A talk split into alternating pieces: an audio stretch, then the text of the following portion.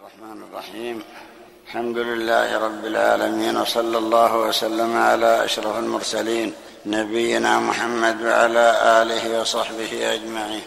كما عرفنا أن موضوع الكتاب كتاب العظمة أي عظمة الخالق سبحانه وتعالى. وفائدة ذلك إذا عرف العبد عظمة الخالق صغر الخلق في قلبه. جميع الخلق يصغر قدرهم في قلب المؤمن الذي يستحضر عظمة الله تعالى. ولذلك يقال لو عقل المشركون الذين عبدوا الأشجار والأحجار والذين عبدوا القبور والأولياء وعظموهم والذين عظموا المخلوقات وصرفوا لها شيئا من حق من العبادة التي هي حق الله لو عقلوا لما فعلوا بل إن فعلهم هذا الذي هو تعظيم المخلوقات دليل على نقص العقول معهم وعلى ضعف المعلومات. وإلا فلو تفكر المخلوقون لو تفكر الناس كلهم في هذا الكون الذي هو جزء يسير من خلق الله تعالى لما عظموا غيره وذلك لأن العاقل يفكر في هذه الأجرام العلوية والأجرام السفلية يفكر في هذه الأرض التي هذه عظمتها فيستحضر أنها خلق يسير. من خلق الله تعالى وكذلك أيضا الأجرام العلوية الشمس والقمر والنجوم وما أشبهها خلقها عظيم ولكن الخالق أعظم فهي مخلوقة ولكنها يسيرة وصغيرة وحقيرة إلى جانب عظمة الخالق. ولأجل ذلك ذكروا أن الشيخ محمد بن عبد الوهاب رحمه الله ختم كتاب التوحيد بباب قول الله تعالى وما قدر الله حق قدره. ثم ذكر الأدلة على ذلك. في هذه الآية يقول تعالى والأرض جميعا قبضته يوم القيامة والسماوات مطويات بيمينه. سبحانه وتعالى عما يشركون. الأرض مع سعتها قبضة الخالق تعالى. السماوات السبع مطويات بيمينه كذلك الأحاديث التي ذكرها في ذلك الباب. ذكر أن الله تعالى يقبض السماوات أو يضع السماوات على اصبعه والارضين على اصبعه والماء والثرى على اصبعه وسائر الخلق على إصبع ثم يهزهن ويقول أين أنا الملك؟ أين ملوك الأرض؟ أين الجبارون؟ أين المتكبرون؟ ملوك الأرض في ذلك اليوم يكونون اذلاء كالمماليك قد تخلوا عن ملكهم وهم في الدنيا ملوك. قد ملك بعضهم الأرض شرقها وغربها. حتى حكي عن بعض ملوك بني العباس. إذا مرت السحابة يقول أمطري في أي بقعة من الأرض. فإن خراجك سوف يأتيني. هذا أحد الملوك ومع ذلك في ذلك اليوم لا يملك أحدهم لنفسه نفعا ولا ضرا. لا شك أن هذا دليل على عظمة الخالق الذي هذه عظمته. وقد دل على ذلك الكثير من الآيات ومن الأحاديث. فمثل قول الله تعالى وما قدر الله حق قدره. جاءت هذه الآية في ثلاث سور في سورة الأنعام وسورة الحج وسورة الزمر. إنكارا على المشركين الذين عظموا الأصنام عظموا المخلوقات التي لا تنفع ولا تضر وصرفوا لها خالص العبادة. فيقال إنكم ما عرفتم عظمة ربكم ما قدرتم الخالق حق قدره. ما استحضرتم عظمة الله التي من استحضرها صغرت عنده الدنيا صغرت عنده الدنيا وما عليها. لا شك أن الخالق سبحانه وتعالى أعظم من أن يتصوره المخلوقون. أو يدركوا كنهه وعظمته ذكر الشيخ ابن عبد الوهاب في هذا الباب عن ابن عباس قال ما السماوات السابع والأرضون السابع في كف الرحمن إلا كخردلة في يد أحدكم؟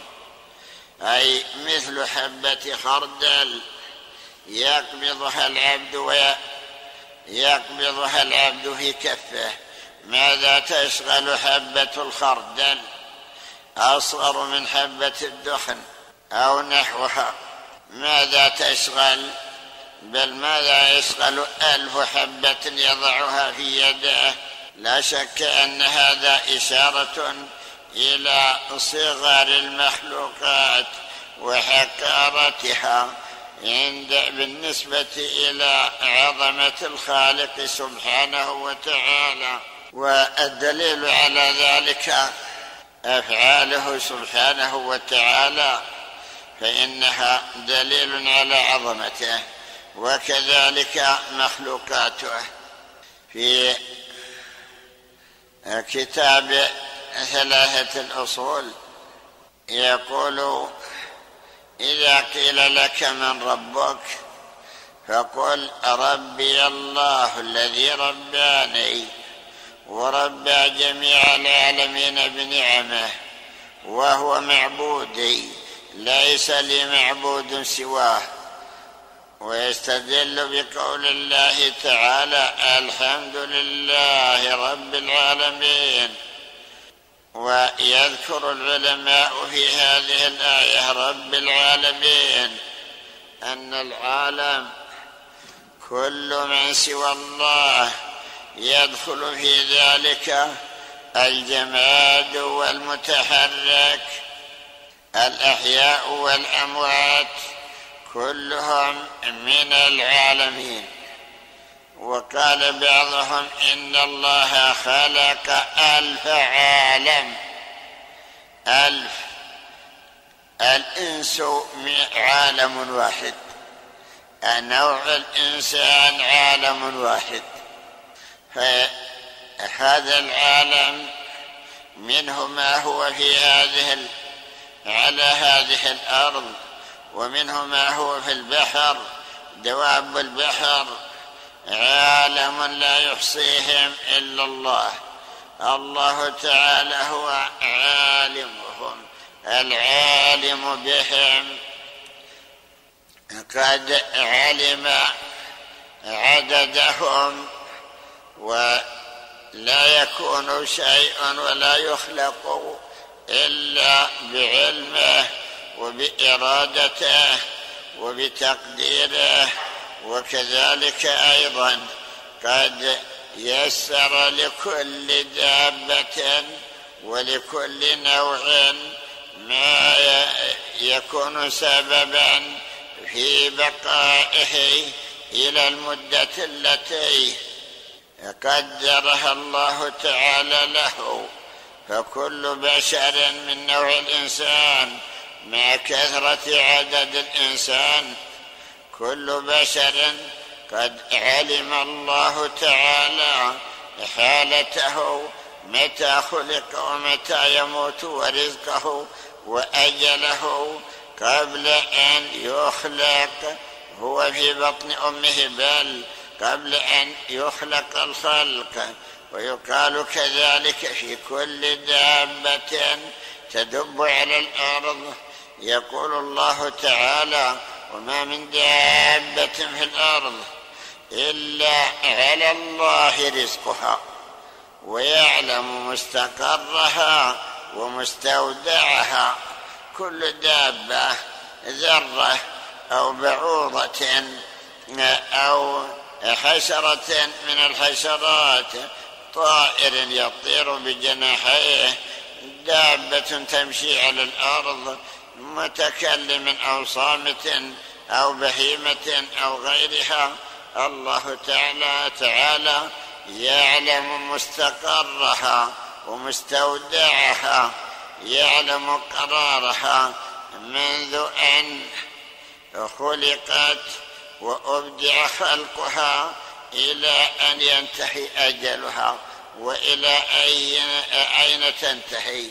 وفي آية أخرى يقول الله تعالى وما من دابة في الأرض ولا طائر يطير بجناحيه إلا أمم أمثالكم. ما فرطنا في الكتاب من شيء أي كل دابة قد كتب الله تعالى وقت خلقها ونهاية خلقها ورزقها وقوتها وما وما تعيش به وقدر لها. ما تعيش به قدر لها رزقها. لا شك أن هذا دليل على عظمة الخالق.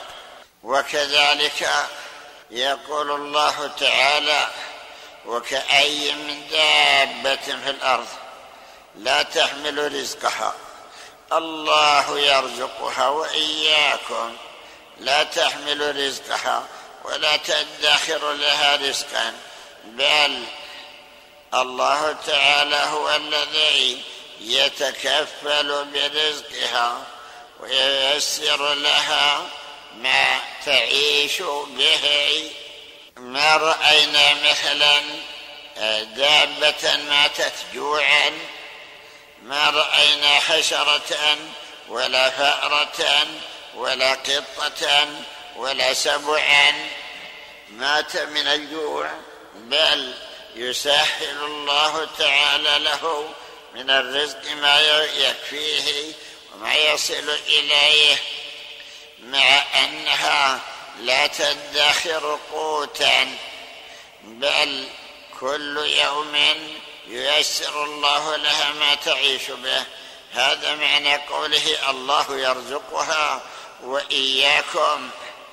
أي قد تكفل الخالق الذي خلقها برزقها. ونقول أيضا إن هذه المخلوقات مع كثرتها وتنوعها آية و... و... آية عظيمة على عظمة من خلقها. كيف؟ أن الله تعالى خلق كل نوع وجعل لكل نوع ولكل حشرة أو دابة أو نحوها جنسا خاصا لا تشتبه ولا تختلط كما هو مشاهد. نشاهد مثلا أن الضأن والماعز من الغنم تبيت جميعا وتأكل جميعا وترعى جميعا ومع ذلك فإن الذكور من الضأن لا تنزو على الإناث من الماعز لمعرفتها بأنها ليست من جنسها والذكور من الماعز لا ينزو على الإناث من الضأن لمعرفتها أنها ليست من جنسها وهكذا أيضا أطفالها. إذا جاءت فإن الطفل من أولاد الضأن لا يرتضع إلا من الضأن أي أمه أو ما يشبه أمه. لا شك أن هذا دليل على أن الله الذي خلقها تكفل برزقها وأنه يسر لها ما تسير به وما تعيش به. وهكذا أيضا إذا تفكر الإنسان في أمر من مضى من الأمم أمر الأمم التي قد مضت وسيرها وأحوالها. لقد قص الله تعالى علينا قصصا كثيرة من الأمم والأنبياء وما حصل لهم وكيف نجا من نجا وهلك من هلك وكيف قالوا وكيف فعلوا. ومع ذلك ما بقي منهم إلا أخبار وآثار. مثل ما قص الله علينا من قصة قوم قوم عاد قوم هود. ذكر الله عنهم أنهم أهل قوة وأهل جبروت. حتى أنهم قالوا من أشد منا قوة؟ في نظرهم أنه لا أحد أشد قوة منهم. وكذلك يقول الله عنهم وإذا بطشتم بطشتم جبارين. ويقول تعالى عن بلادهم إرم ذات العماد التي لم يخلق مثلها في البلاد. وكذلك أيضا أخبر بزيادة خلقهم بقوله وزادكم في الخلق بسطة أي سعة في أجسامهم وزيادة على غيرهم. لا شك أن هذا لم يغني عنهم لما أنهم لم ينيبوا إلى الله ولم يعبدوه ولم يطيعوا رسله بل صار ذلك زيادة في عذابهم. ومع ذلك ما تذكروا ما تذكروا عظمة الخالق. في قوله تعالى أولم يعلموا أن الله الذي خلقهم؟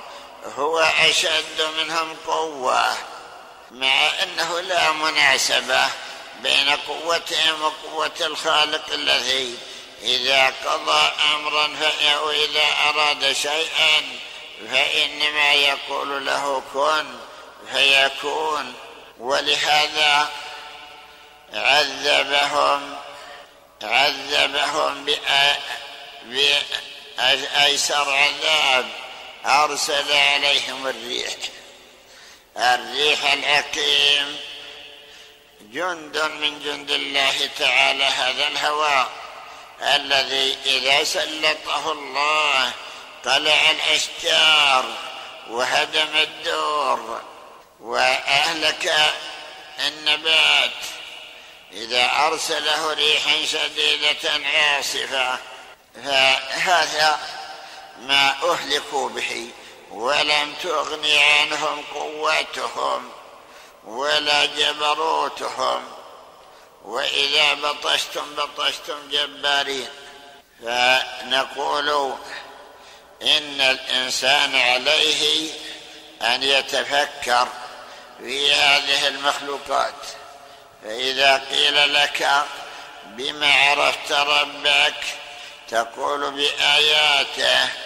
ومخلوقاته ولا شك أن آياته هي العلامات التي نصبها دلالات على عظمته دلالات على قدرته دلالات على وحدانيته وتفرده بالتصرف في هذا الوجود. وكل شيء من هذه المخلوقات يعتبر دليلا واضحا على الله سبحانه وتعالى. ولهذا لما قال المشركون لولا يأتينا بآية بينة قال الله تعالى أولم يكفهم أن أنزلنا عليك الكتاب. يعني هذا القرآن فيه آيات بينات وكذلك أيضا لو نظروا في هذه الموجودات لعرفوا أن كل موجود منها فإنه آية بنفسه. كل موجود صغير أو كبير يعتبر آية ودلالة على عظمة الخالق سبحانه. ولكن أين الذين يتفكرون؟ وقد تكلم العلماء على الأدلة في ذلك وأخذوا أدلة العظمة من أسماء الله التي سمى بها نفسه وكذلك من الأحاديث التي دلت على ذلك. فإذا نظرنا في قول الله تعالى الله لا إله إلا هو الحي القيوم. لا تأخذه سنه ولا نوم. سمى نفسه بالحي القيوم. والحي هو كامل الحياة الذي لا يعتري حياته تغير. ولهذا قال لا تأخذه سنه ولا نوم. وكذلك في آية أخرى وتوكل على الحي الذي لا يموت. توكل على الحي الذي لا يموت. وصف نفسه بالحياة الدائمة التي لا يعتريها خلل ولا ناقص. في هذه الآية قال لا تأخذه سنة ولا نوم.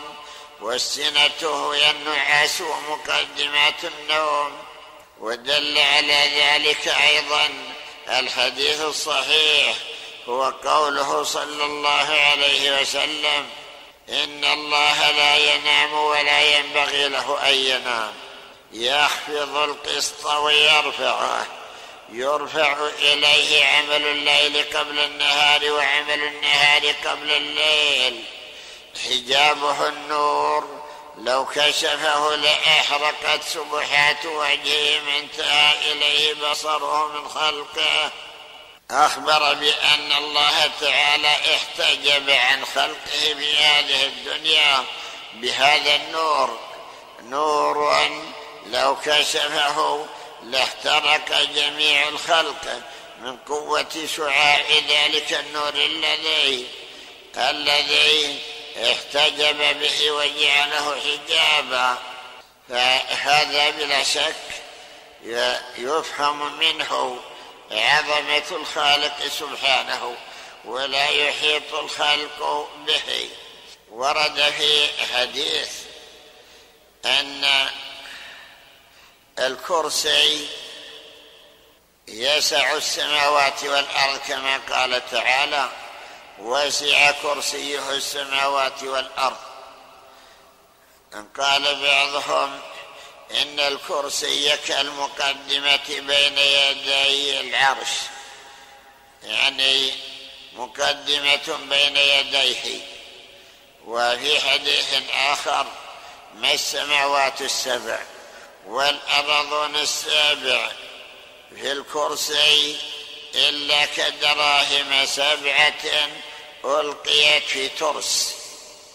الترس هو المجن الذي يجعل فوق الرأس. يعني بمنزلة أو شبيها بالطاقية إلا أنه يستر الرأس. ماذا تشغل سبعة دراهم؟ الدرهم قطعة من فضة كقدر الظفر إذا وضعت سبعة دراهم في هذا الترس أو سبعون أو سبعمائة أو سبعة آلاف. قد لا, لا تملأه. فكيف؟ بسبعة دراهم ألقيت في ترس.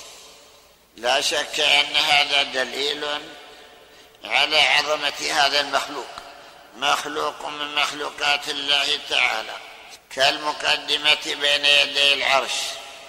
ثم ورد أيضا في حديث أن الكرسي في العرش كحلقة ملقاة بأرض فلات الحلقة الحديدة المتلاقية الطرفين. إذا أخذت حديدة وألقيتها في فلات في أرض واسعة مفازة لا يدرك طرفها ماذا تشغل هذه الحلقة من هذه الأرض. هكذا الكرسي بالنسبة إلى العرش اختص الله تعالى العرش بأنه محل الاستواء في قوله تعالى ثم استوى على العرش فإذا كانت هذه عظمة العرش فكيف يقال في عظمة رب العرش؟ الرب تعالى هو الذي خلق هذه المخلوقات. العرش والكرسي والسماوات كلها مخلوقة. وقد ذكر بعضهم خلافا هل العرش أول المخلوقات أو القلم؟ لأنه ورد في الحديث أول ما خلق الله القلم فقال له اكتب. فالصحيح أن العرش خلق قبل القلم ولذلك قال في الحديث وكان عرشه على الماء وسئل ابن عباس الماء على أي شيء؟ إذا كان العرش على الماء فعلى أي شيء الماء؟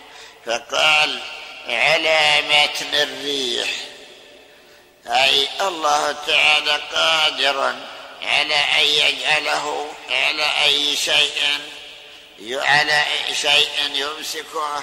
ولو على الريح التي يمسك بها ما يشاء.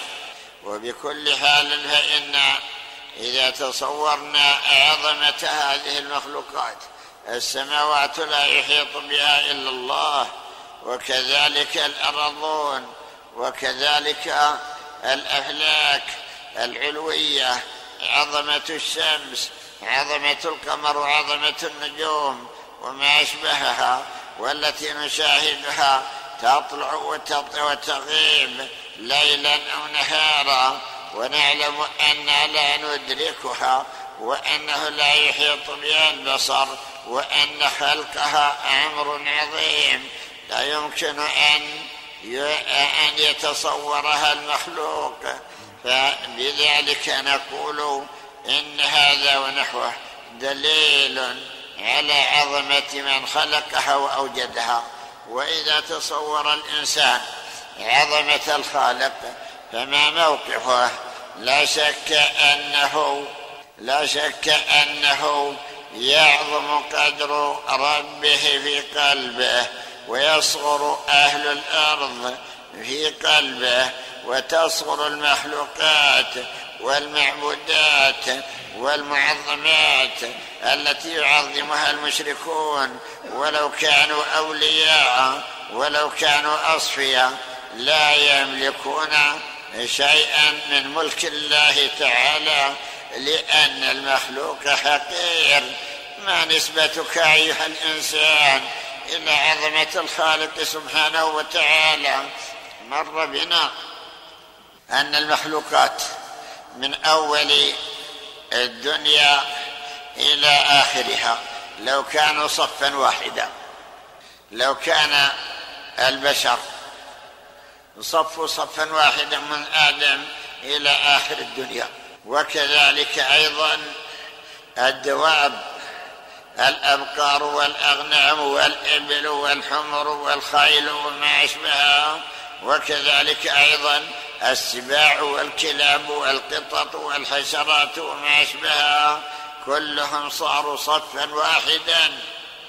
ما أدركوا عظمة الخالق ولا وصلوا إلى جزء من عظمته وذلك لأنهم مخلوقون.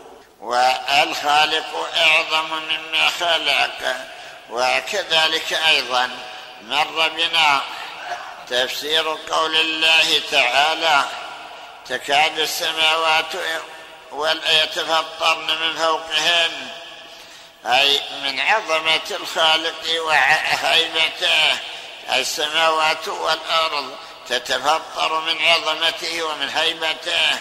لا شك أن هذا دليل على صغر المخلوقات وعظمة خالقها. متى تصور الإنسان ذلك؟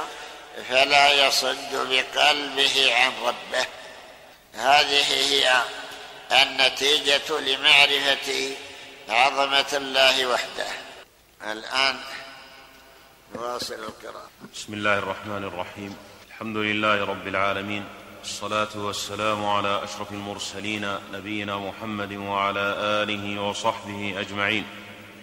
قال رحمه الله تعالى ذكر آيات ربنا تبارك وتعالى وعظمته وسؤدده وشرفه ونسبه تبارك وتعالى. قال أخبرنا أبو يعلى قال حدثنا أبو الربيع الزهراني قال حدثنا يعقوب القمي عن جعفر عن سعيد بن جبير رضي الله عنه قال تكلمت اليهود في صفة الرب تبارك وتعالى فقالوا ما لا يعلمون ولم يدروا فأنزل الله عز وجل وما قدروا الله حق قدره ثم بين عظمته للناس فقال والأرض جميعا قبضته يوم القيامة والسماوات مطويات بيمينه سبحانه وتعالى عما يشركون فجعل صفته التي وصفوا بها الله تبارك وتعالى شركا قال حدثنا إبراهيم بن محمد بن الحسن قال حدثنا أحمد بن سنان قال حدثنا أبو معاوية عن الأعمش عن المنهال عن سعيد بن جبير عن ابن عباس رضي الله عنهما قال كان الله تبارك وتعالى ولم يزل قال حدثني أبي قال أخبر قال حدثني أبي رحمه الله تعالى والوليد قال حدثنا يونس قال حدثنا أبو داود قال حدثنا حماد بن سلمة عن يعلى عن يعلى بن عطاء عن وكيع بن عن وكيع بن عدس عن أبي رزين قال قلت يا رسول الله أين كان ربنا تبارك وتعالى؟ قبل أن يخلق العرش قال كان في عماء ما فوقه هواء ولا تحته هواء ثم خلق العرش على الماء ورواه شعبة. عن يعلى بن عطاء عن وكيع بن عدس عن أبي رزين عن عمه عن النبي صلى الله عليه وسلم مثله قال الأصمعي قال الأصمعي رحمه الله العماء السحاب الأبيض. قال حدثنا إبراهيم بن محمد بن الحسن قال حدثنا أحمد بن سعيد قال حدثنا ابن وهب عن معاوية بن صالح عن ضمرة بن حبيب. عن جبير بن نفير رضي الله عنه قال إن الله عز وجل كان عرشه على الماء وأنه خلق القلم فكتب ما هو خالق إلى يوم القيامة وما هو كائن إلى يوم القيامة. ثم إن ذلك الكتاب سبح الله ومجده ألف عام قبل أن يبدأ خلق شيء من من الخلق. قال حدثني أبو سعيد الثقفي عن سلمة بن شبيب قال حدثنا يحيى بن عبد الله الحراني عن ضرار عن عن أبان عن أنس رضي الله عنه قال أتت يهود خيبرا إلى النبي صلى الله عليه وسلم فقالوا يا أبا القاسم خلق الله عز وجل الملائكة من نور الحجاب وآدم من حمأ مسنون. وإبليس من لهب النار والسماء من دخان والأرض من زبد الماء فأخبرنا عن ربك عز وجل. فلم يجبه النبي صلى الله عليه وسلم فأتاه جبريل عليه السلام فقال يا محمد قل هو الله أحد ليس له عروق فتشتعب إليه. الله الصمد ليس بالأجوف لا يأكل ولا يشرب.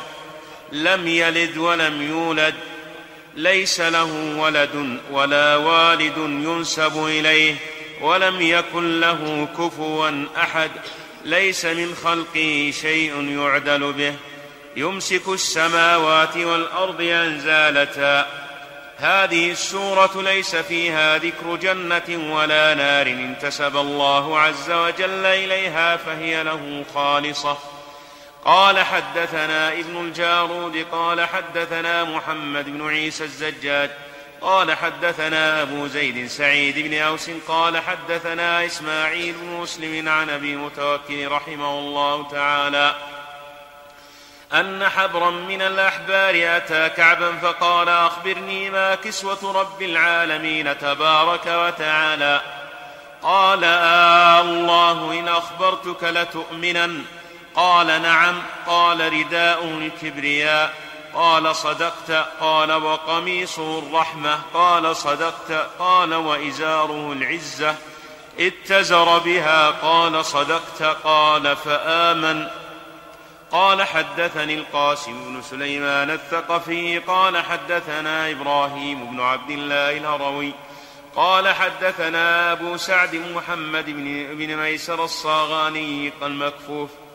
قال حدثنا أبو جعفر الرازي عن الربيع بن أنس عن أبي العالية عن أنبي بن كعب رضي الله عنه أن المشركين قالوا للنبي صلى الله عليه وسلم انسب لنا ربك فنزلت قل هو الله أحد الله الصمد لم يلد ولم يولد لأنه ليس شيء يولد إلا سيموت.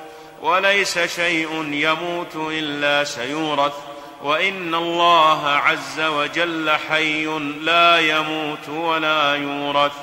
ولم يكن له كفوا أحد قال لم يكن له شبيه ولا عدل وليس كمثله شيء.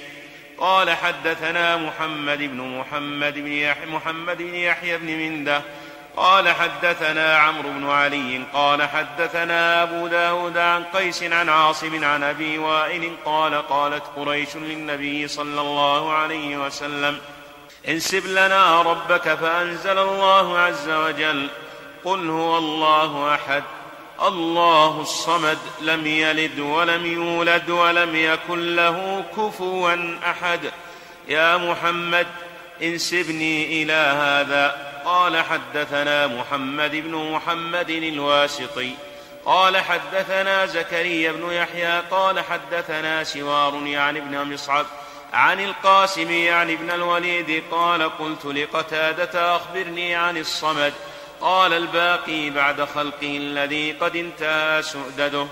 قال حدثنا محمد بن زكريا القرشي قال حدثنا محمد بن عمر الرومي قال حدثني عبيد الله بن سعيد هو قائد الأعمش. قال حدثني صالح بن حيان عن عبد الله بن بريدة عن أبيه قال ولا أعلمه إلا رفعه. قال الصمد الذي لا جوف له. قال أخبرنا الوليد قال حدثنا أبو حاتم قال حدثنا محمد بن موسى الخرشي الحرشي. قال حدثنا عبد الله بن عيسى قال حدثنا داود عن عكرمة عن ابن عباس رضي الله عنهما في قوله الصمد. قال تصمد إليه الأشياء إذا نزل بها كربة أو إذا نزل بها كربة أو بلاء قال أخبرنا محمد بن العباس قال حدثنا عبد الرحمن بن يونس قال حدثنا سويد بن عبد العزيز عن سفيان بن حسين عن الحسن رحمه الله تعالى في قوله الصمد. قال الحي القيوم الذي لا زوال له. قال حدثنا محمد بن زكريا. قال حدثنا أبو حذيفة. قال حدثنا شبل عن, أبي عن ابن أبي نجيح. عن مجاهد رحمه الله تعالى الحي القيوم. قال القائم على كل شيء. قال حدثنا إسحاق بن أحمد أنبأنا صالح بن إسماعيل أنبأنا محمد بن ربيعة أنبأنا مستقيم بن عبد الملك قال سمعت سعيد بن المسيب يقول الصمد الذي لا حشو له قال حدثنا أحمد بن محمد بن يعقوب قال حدثنا أحمد بن منصور قال حدثنا أبو صالح. قال حدثني معاوية بن صالح عن علي بن أبي طلحة عن ابن عباس رضي الله عنهما قوله الصمد.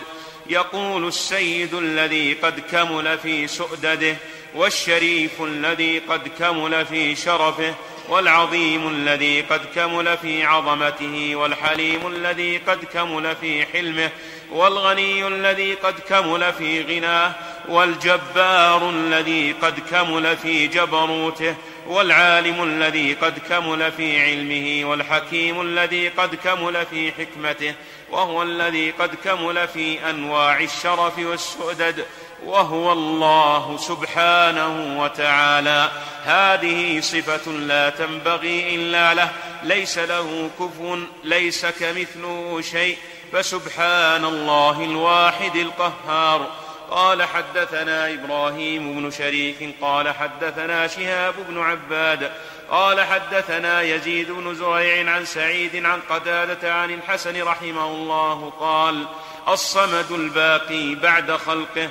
قال حدثنا إبراهيم بن شريك قال حدثنا شهاب بن عباد قال حدثنا يزيد بن زريع. عن سعيد عن قتادة عن الحسن قال الصمد الباقي بعد خلقه قال حدثنا إبراهيم بن شريك قال حدثنا شهاب أنبانا يزيد عن أبي رجاء عن عكرمة رضي الله عنه قال الصمد الذي لم يخرج منه شيء ولم يلد ولم يولد. قال حدثنا إسحاق بن أحمد قال حدثنا صالح بن إسماعيل قال حدثنا محمد بن ربيعة قال حدثنا مستقيم بن عبد الملك قال سمعت سعيد بن المسيب رضي الله عنه يقول الصمد الذي لا حشو له. قال أخبرنا أبو يعلى الموصلي قال حدثنا صالح بن مالك الخوارزمي قال قرأ علينا عبد العزيز بن عبد الله بن أبي سلمة بن الماجشون رحمه الله تعالى. اعلم أن الله تعالى اولا لم يزل اولا. وليس بالأول الذي كان أولا. ما كان من الأشياء وقد كان.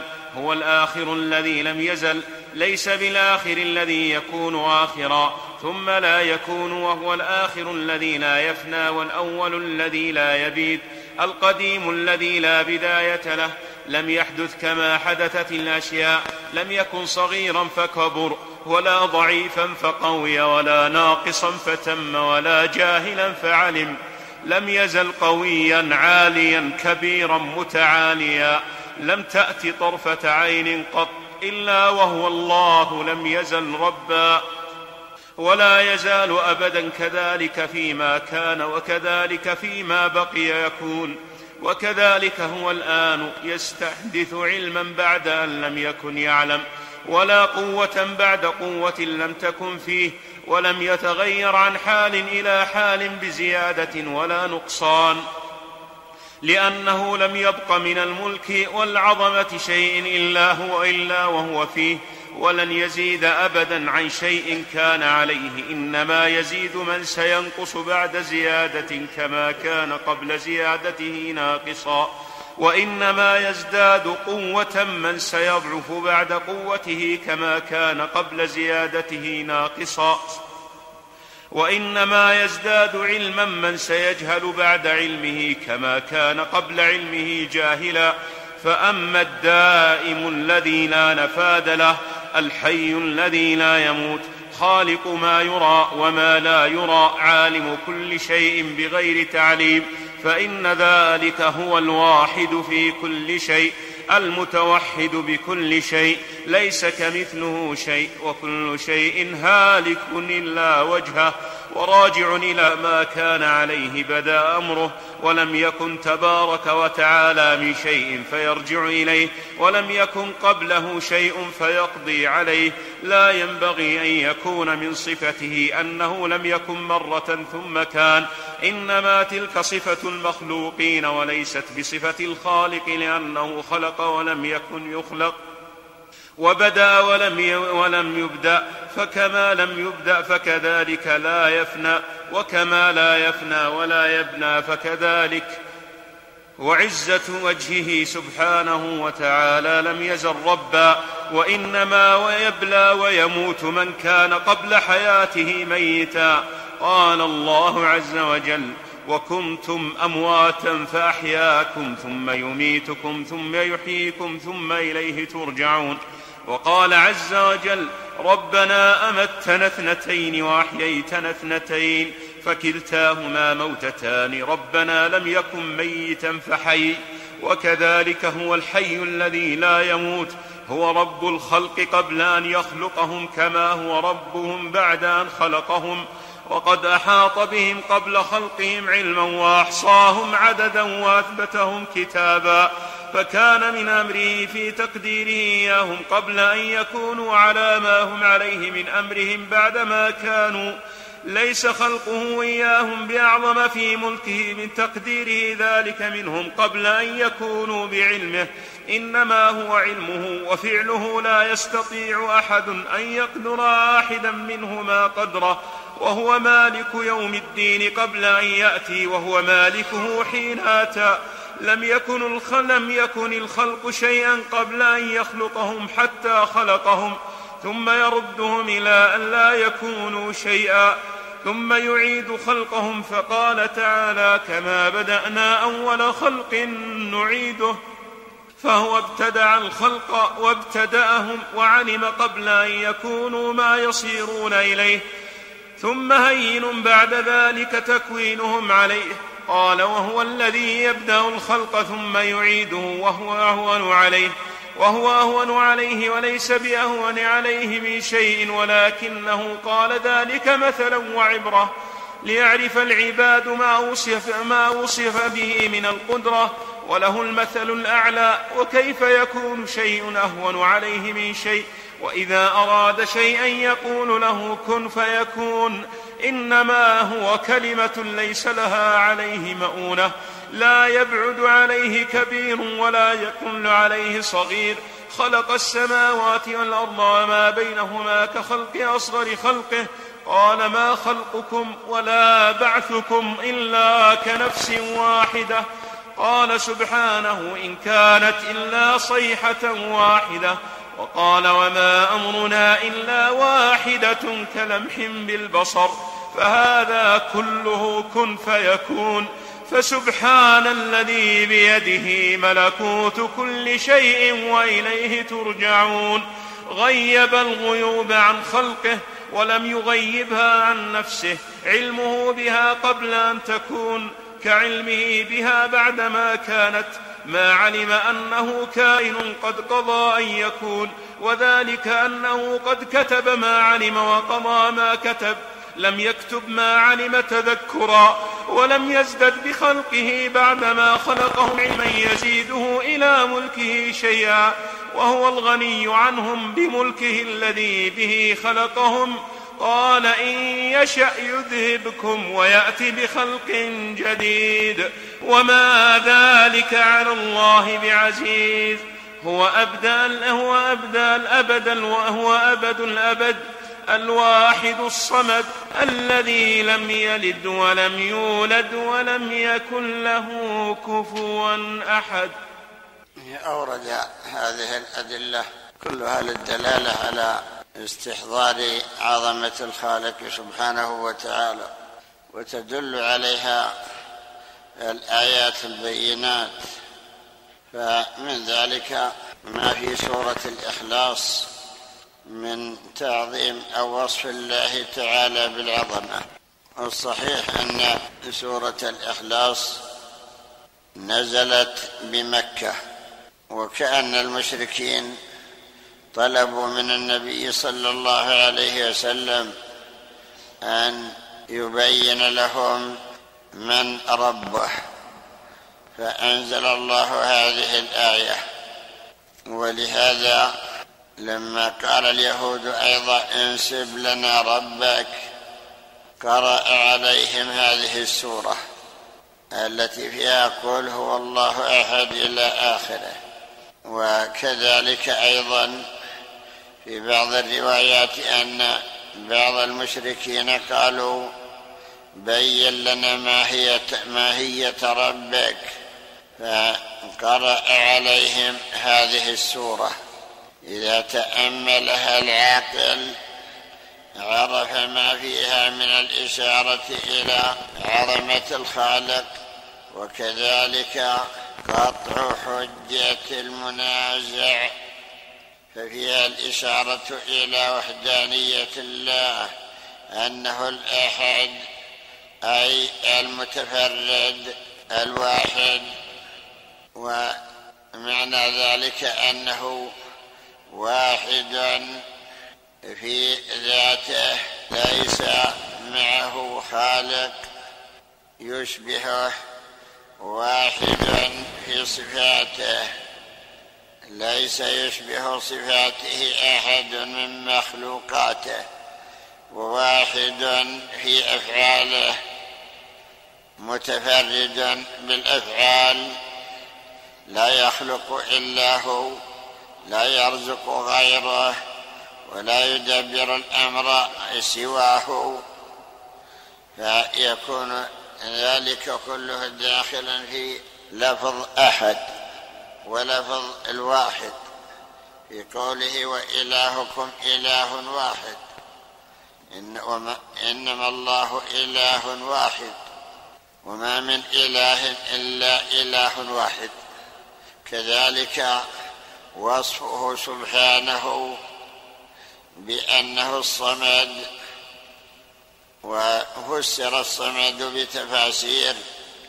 وأرجحها أن الصمد هو السيد الذي انتهى سؤدده أو الصمد هو الذي تصمد إليه الأقوال والأعمال أي تتوجه إليه وحده يتوجه العباد بقلوبهم إلى الله وحده.